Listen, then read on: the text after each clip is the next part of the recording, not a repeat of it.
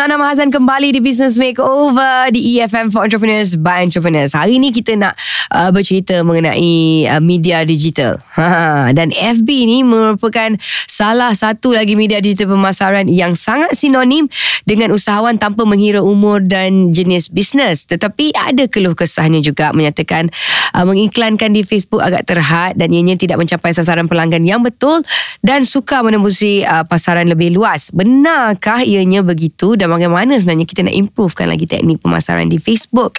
Dan kita akan kupaskan di segmen cuba try test share bersama dengan coach digital online sekejap sahaja lagi. Dan kita ke segmen on ke tak on dulu. On ke tak on? on ke tak on. Ha, sepanjang minggu ni kita nak tengok macam mana kita nak mulakan bisnes online. Okey dan peruntukan masa untuk uh, waktu bekerja bagi bisnes online ni kita kena tahu. Ha, kita sering beranggapan yang bisnes online ni hanyalah satu kerja sampingan yang tak perlu dedikasi, yang tak perlu diambil serius. Salah, okey? Oleh kerana bisnes online sering dilakukan dari rumah, maka kita sering melakukannya dengan sikap sambil lewa seperti uh, satu hobi. Uh, dan kebiasaannya hobi hanya dilakukan di waktu lapang dan juga waktu terluang. Jadi begitulah juga sikap acuh tak acuh kita dalam mengendalikan bisnes online. Jika kita ingin berjaya uh, meniaga secara online, kita perlulah buang sikap yang menganggap bisnes online itu adalah sideline saja. Uh, malah kita harus mula berfikir serius bahawa bisnes online kita adalah bisnes yang sahih dan wujud walaupun ianya hanya bertapak di alam maya. This is a very important sebab bila kita tak serius dengan bisnes kita, sampai bila bisnes kita pun tak akan serius dengan kita dan kita pun tidak akan mendapat pulangan yang kita mahukan. Okey, kita akan ke segmen uh, tips menarik. Tips menarik. Hari ini kita nak uh, menarik pelanggan baru. Kita kena temui pelbagai orang.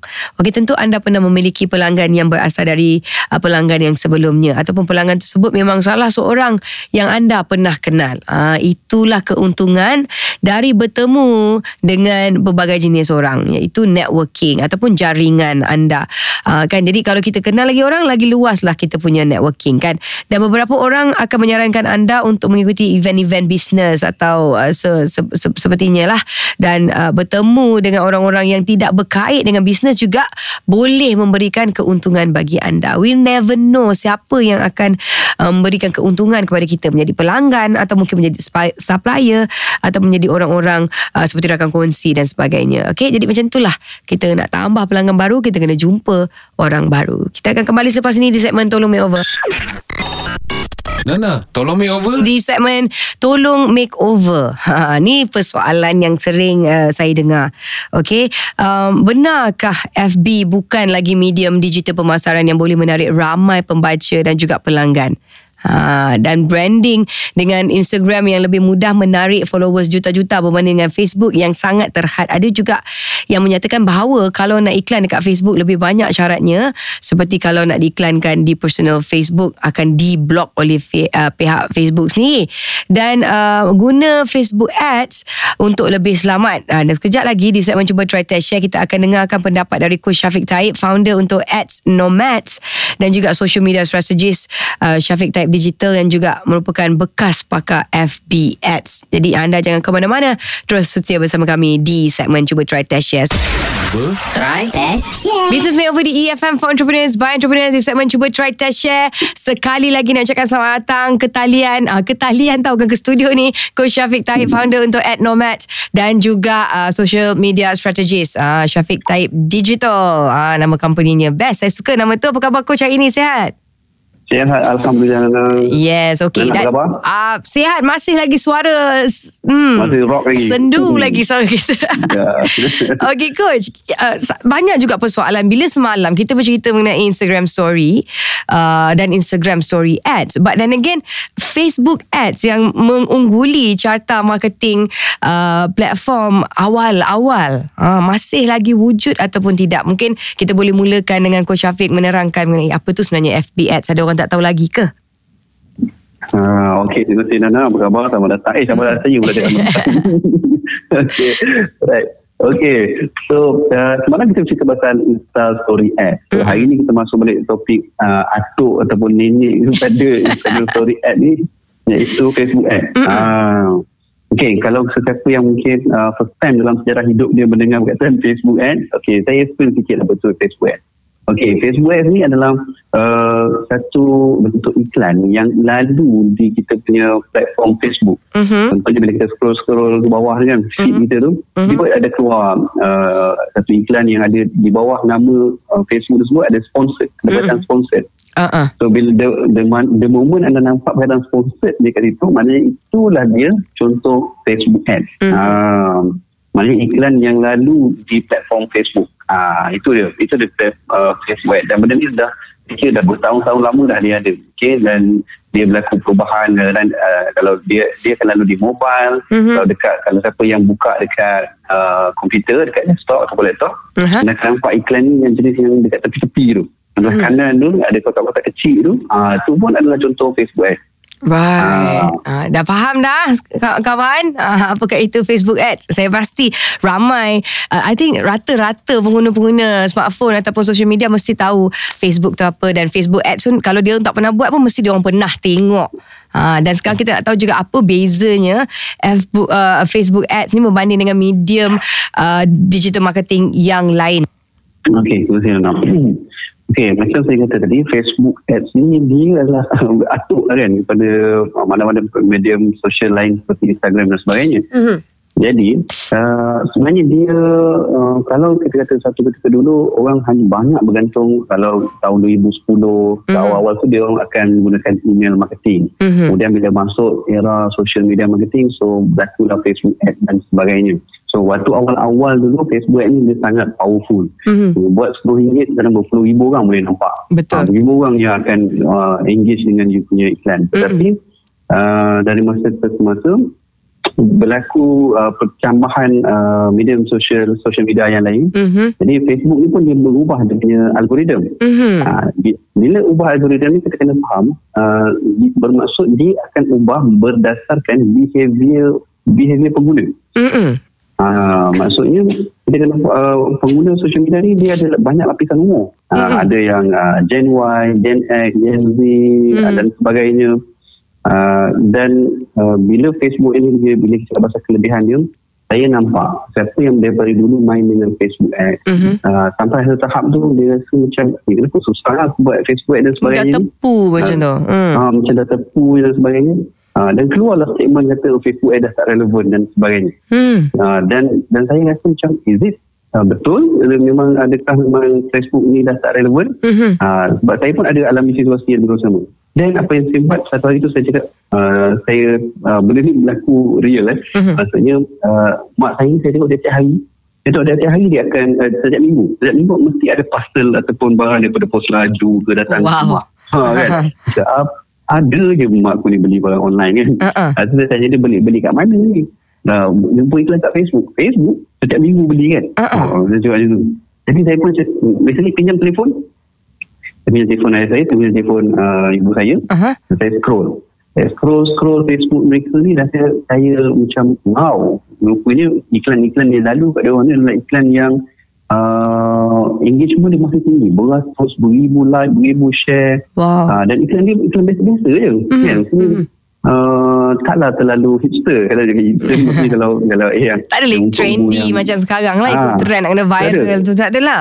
tak ada. Iklan dia memang iklan boleh saya kata macam iklan bodoh-bodoh je. Tapi dia punya engagement tinggi straightforward Mhm. tinggi uh, jadi saya maknanya saya kata sebab tu uh, benda ni uh, Facebook ni bukanlah kata tak relevan dan Mhm. bukanlah kata dia dah mahal dan sebagainya tapi dia sebenarnya dia, dia berubah mengikut uh, umur behavior orang Mhm. Ah, dan benda ni bila saya kaji-kaji benda ni dipanggil sebagai okey kalau Nana tahu racist tu apa racist Racist.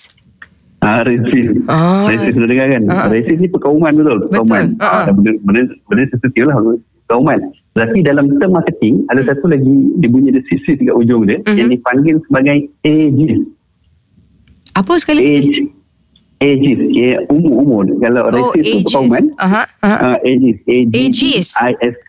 Oh, Yes. okay. Ages. Okay. Ah, kalau kalau racist perkauman yang ni perumuran ah, macam tu lah lebih Ah. kurang dia bahasa Melayu kan Perumuran. Maksudnya- Okay. Ah, maksudnya dia berbeza uh, umur. Ah, Mhm. maksudnya dia, dia racist dari segi umur lah maksudnya situ. Faham. Ah, jadi uh, apa yang berlaku adalah Facebook ni dah jadi macam kalau dekat um, iklan ni lalu pada orang-orang yang berumur 35 ke atas 40 ke atas Mhm. orang ni adalah dia punya behavior nampak macam benda tu uh, relevan sikit je uh, dia akan dia akan engage uh, dia akan komen PM PM dan sebagainya Mhm. uh, dia, dia orang ni adalah orang-orang yang um, bukanlah saya tak suka iklan tapi bila tengok iklan tu dia senang senang tertarik Faham. Okey, dan Ah. dekat sini sebenarnya kalau lah kata anda mempunyai produk yang target market anda 35 tahun ke atas, mungkin Facebook Ads lebih bersesuaian dengan uh, berbanding dengan medium mi- marketing digital yang lain lah. Uh, maksudnya masih lagi relevan, masih lagi boleh digunakan FB Ads walaupun orang kata oh sekarang ni me- memang uh, dekat Instagram je ataupun IG story sahaja kan. Dan selepas ni mungkin uh, coach boleh uh, ceritakan sikit mengenai kekurangan, mungkin ada kelebihan juga FB Ads dan juga IG story kita nak bandingkan antara kedua-duanya. Hmm, okay, right. Lah. Sebab saya rasa memang memang perlu ada perbezaan ni supaya orang betul-betul clear. Aku nak pakai yang mana ni? Betul. Ah, okay. So yang pertama kita pergi pada Facebook Ads dulu. Okay. So Facebook Ads uh, macam saya cakap ni dia uh, kalau you nak buat iklan yang mengharapkan orang uh, like, komen dan share So boleh tetapi biasanya bergantung pada faktor umur. Maksudnya kalau mereka yang berumur saya cakap tadi 35 ke atas, 40 ke atas Mhm. hingga ke 60 itu adalah the best yang akan uh, respon pada iklan anda. Mhm. Kalau anda nak sasarkan kepada umur yang bawah di Facebook boleh tetapi biasanya bukanlah dia, dia tidak boleh bergantung harap kepada iklan yang mengharapkan engagement. Ah, maknanya dengan kalau kalau kita nak buat iklan dekat Facebook sebenarnya iklan di Facebook ini bagus terutama untuk meningkatkan awareness. Ah, sebab kalau kita nak sasarkan orang-orang yang berumur 35 ke bawah, 35 tahun ke bawah, Mhm. mereka ni dah dia ni dah dah lali je dengan iklan. So kalau ada iklan lalu dia orang ni jenis bukan yang PM. Mhm. Bukan bukan komen PM. Mereka yang nak cepat kalau boleh ada ada terus call to action aku nak kena buat apa ni nak kena tekan button apa nak kena tekan klik link WhatsApp ha, so iklan kalau kita buat iklan pada orang ni jangan harapkan uh, like comment dan share. Sebab memang dia orang tak buat dah. Faham. uh, jadi pada saya sebenarnya Facebook ni Facebook ni dia ada banyak uh, uh, campaign-campaign dia. So kalau siapa yang bersama lebih uh, uh, gunakan platform yang mana dia punya campaign tu orang ternampak iklan Mhm. terus klik button terus pergi ke mana nak pergi ke WhatsApp Mhm. pergi ke website ataupun pergi masuk ke mana contohnya masuk ke Telegram atau sebagainya so uh, call to action dia yang penting Yes. Ah, kalau Facebook ni tadi, ah, dia orang kena kalau untuk yang 35 ke atas tadi, so you just kena standby lah. Orang ni memang jenis yang you bagi button ke apa ke, dia orang tak dia orang tak tak ni. Dia orang akan komen PM. So you yang kena follow up dia lah. Ah, Mhm. dari situ. Ah, tu sebab cara tu- sebab cara tu Hmm. masih lagi tak berubah sebab orang yang guna Facebook ni memang lebih selesa uh, untuk ada komunikasi di situ nak kena ada Ya, betul. uh, human interaction dekat situ. Kalau yang Hmm. dekat IG story lebih kepada nak cepat je. Okay, I want this Cepat je. product, I just swipe up, aku nak beli. That's it. Uh, Hmm. kan itu perbezaan yang yang yang lebih ketara lah uh, cara-cara Betul. behavioral uh, pembeli di Facebook dan juga di Instagram dan kejap lagi Hmm. uh, Coach Syafiq akan kongsikan juga uh, jenis bisnes uh, yang bersesuaian contoh sebab kita ada main player ataupun bisnes-bisnes yang yang yang yang menggunakan Facebook Ads ni yang macam pakaian, makanan, kosmetik dan sebagainya mana agaknya platform yang sesuai So uh, business yang sesuai run dekat uh, Facebook uh, ads ni kalau ikutkan sebenarnya boleh dikatakan secara generalnya apa-apa produk pun boleh jual dekat Facebook ads ni. Cuma kita kena uh, saya bagi beberapa uh, point. Yang pertama adalah ada ada beberapa produk yang tak boleh jual dekat Facebook. Mhm. Ha, contohnya yang berbentuk senjata. Dan bila kata senjata ni bukanlah maksudnya memang orang jual pistol. Tak. Be- Tapi mainan mainan dia tu contohlah dia jual mainan toy dan sebagainya tu. Uh, pistol mainan uh, pisau rainbow plastik so Aha. something yang nampak macam senjata itu Aha. memang tak boleh tak dibenarkan oleh Facebook correct Ah, itu satu. Dan yang keduanya adalah produk-produk yang uh, berkaitan dengan uh, skim cepat kaya. Mhm. Ah, yang tu pun tak boleh. So, kadang-kadang ada yang datang, saya ada skim gini-gini gini-gini kan. Walaupun dia nak try close kita, saya memang tak ada lah kan. Mhm. Ah, tapi dia nak promote dekat Facebook. Ah, so, saya cakap dia memang tak boleh. Melainkan you um, uh, ubah kepada benda lain lah. Maksudnya Mhm. kalau you cerita pasal nak uh, jana income cepat dan sebagainya, so memang Facebook dia tak lepaskan. Uh, kita kena faham Facebook ni uh, walaupun dia dapat orang kata dia platform Mak Mak Zuckerberg kan Mak Saleh kan Ah. Tapi uh, saya pernah pergi ke uh, dia punya HQ dekat Singapore. Uh-huh. uh, sampai ada- kita duduk di situ. So sampai ada satu level tu kita tengok ada, ada banyak banyak banyak dia tengah duduk kat meja masing-masing. Dan ada bendera negara-negeri eh, negara-negara dekat situ. Ada Filipina ada Vietnam dan sebagainya. Termasuklah Malaysia. So bila saya tanya ah, ni, ni bahagian apa sebenarnya? ni kan? Aha. so apa yang dia, dia kata inilah orang-orang yang tugas dia untuk review uh, iklan-iklan yang datang daripada negara masing-masing uh, maknanya kita jangan jangan tak tahu dia orang ada orang-orang yang boleh baca iklan menggunakan bahasa kita tu Mhm. Uh, okay. So, uh, so apakah bisnes yang sesuai? Sebenarnya Okey. kalau paling paling baik. Yang paling baik adalah kalau uh, yang saya nampak yang paling baik ni yang paling cepat dapat result kalau menggunakan Facebook Mhm. adalah niche makanan. Okey. Uh, niche makanan. Sama ada dia promote dia punya kedai Mhm. ataupun dia nak dia ada makanan dia nak COD nak bungkus dan sebagainya. Mhm. Tapi uh, kalau menggunakan uh, Facebook kan tak perlu edit story sekalipun Mhm. uh, result dia insyaAllah laju sebab makanan ni mungkin dah jadi satu uh, trend orang sekarang ini dia nak tengok benda tu macam hmm, nampak berdasarkan presentation dia menarik dekat gambar tu Aha. uh, nampak macam hipster sikit kan lele-lele dan sebagainya uh, dan insyaAllah buat je kat Facebook insyaAllah boleh uh, dia paling cepat lah result dia Mhm.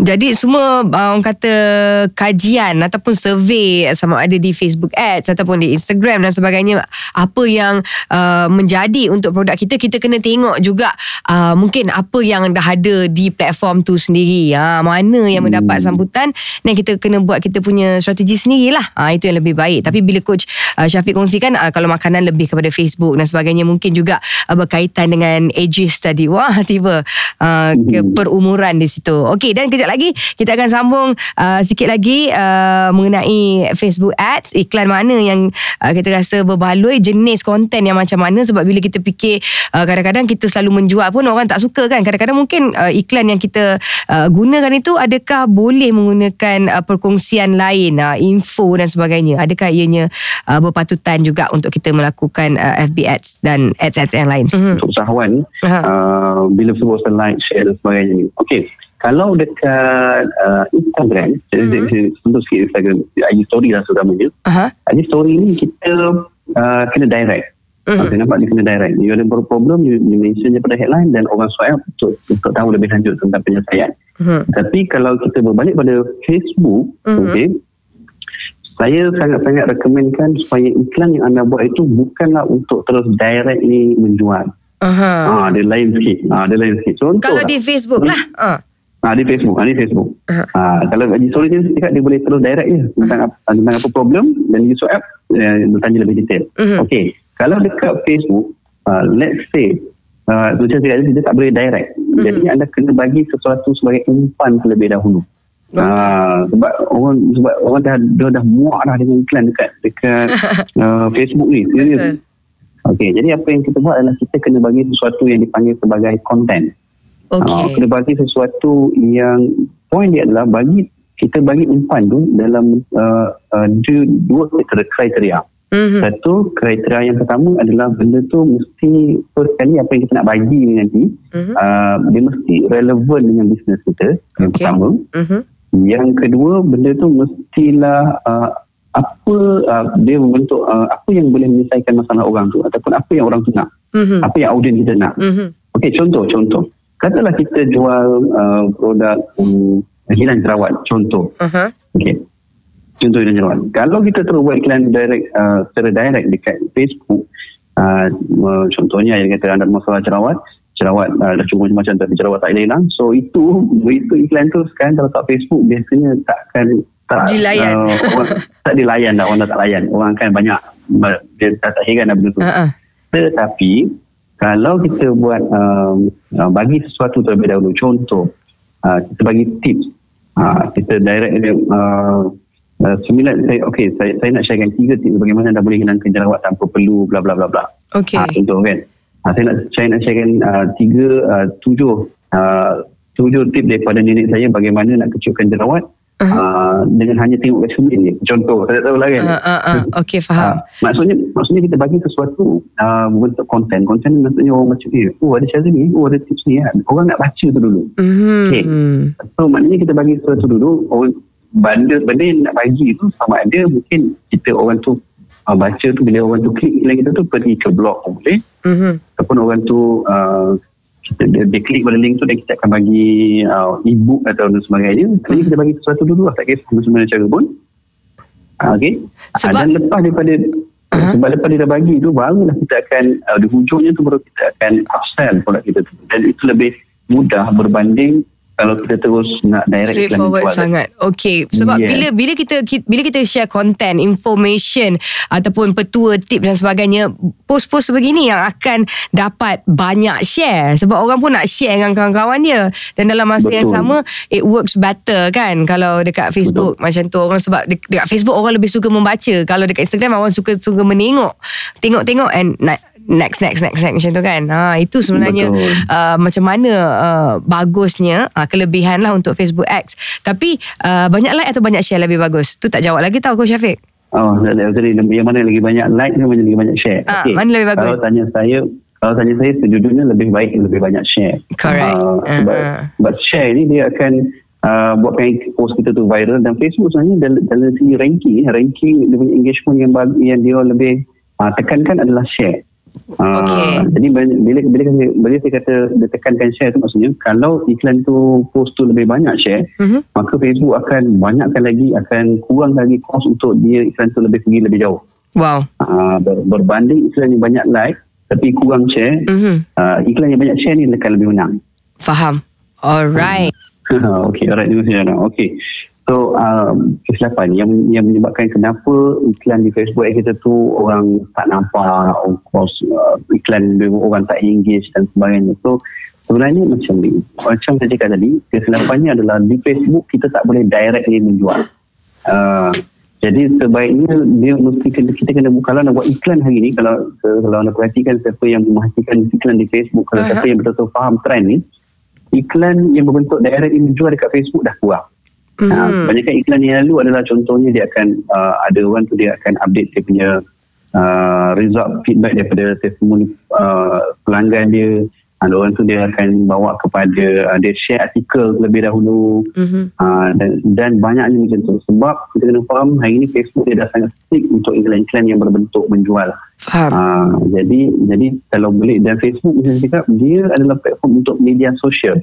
Ah, so itu itu dia punya dia punya keutamaan. Dia nak orang bersosial kat situ. So macam mana cara nak orang bersosial? Kena naktikan posting yang akan menyebabkan orang tu akan like, akan komen Mhm. dan lebih baik kalau iklan tu kalau posting tersebut orang tu rasa baca je nak share. Uh-uh. Baca je nak share. Mhm. So itu yang kita kena fikirkan kat situ. Macam mana nak buat iklan uh, posting yang Orang nak share. nak share. Mhm. Ah, dan dari hujung tu barulah kita upsell produk. Right. Ah, Ha, jadi ke, antara kesilapan orang lakukan di Facebook Ads adalah tidak memikirkan uh, konteks yang sesuai untuk di di ads kan. Ah. Betul. Okey, baik. Dan selepas ini kalau anda rasa anda nak lebih faham mengenai Facebook Ads ataupun apa-apa je media yang boleh kita lakukan uh, marketing secara digital, kejap lagi Coach Syafiq akan kongsikan di EFM for Entrepreneurs by Entrepreneurs.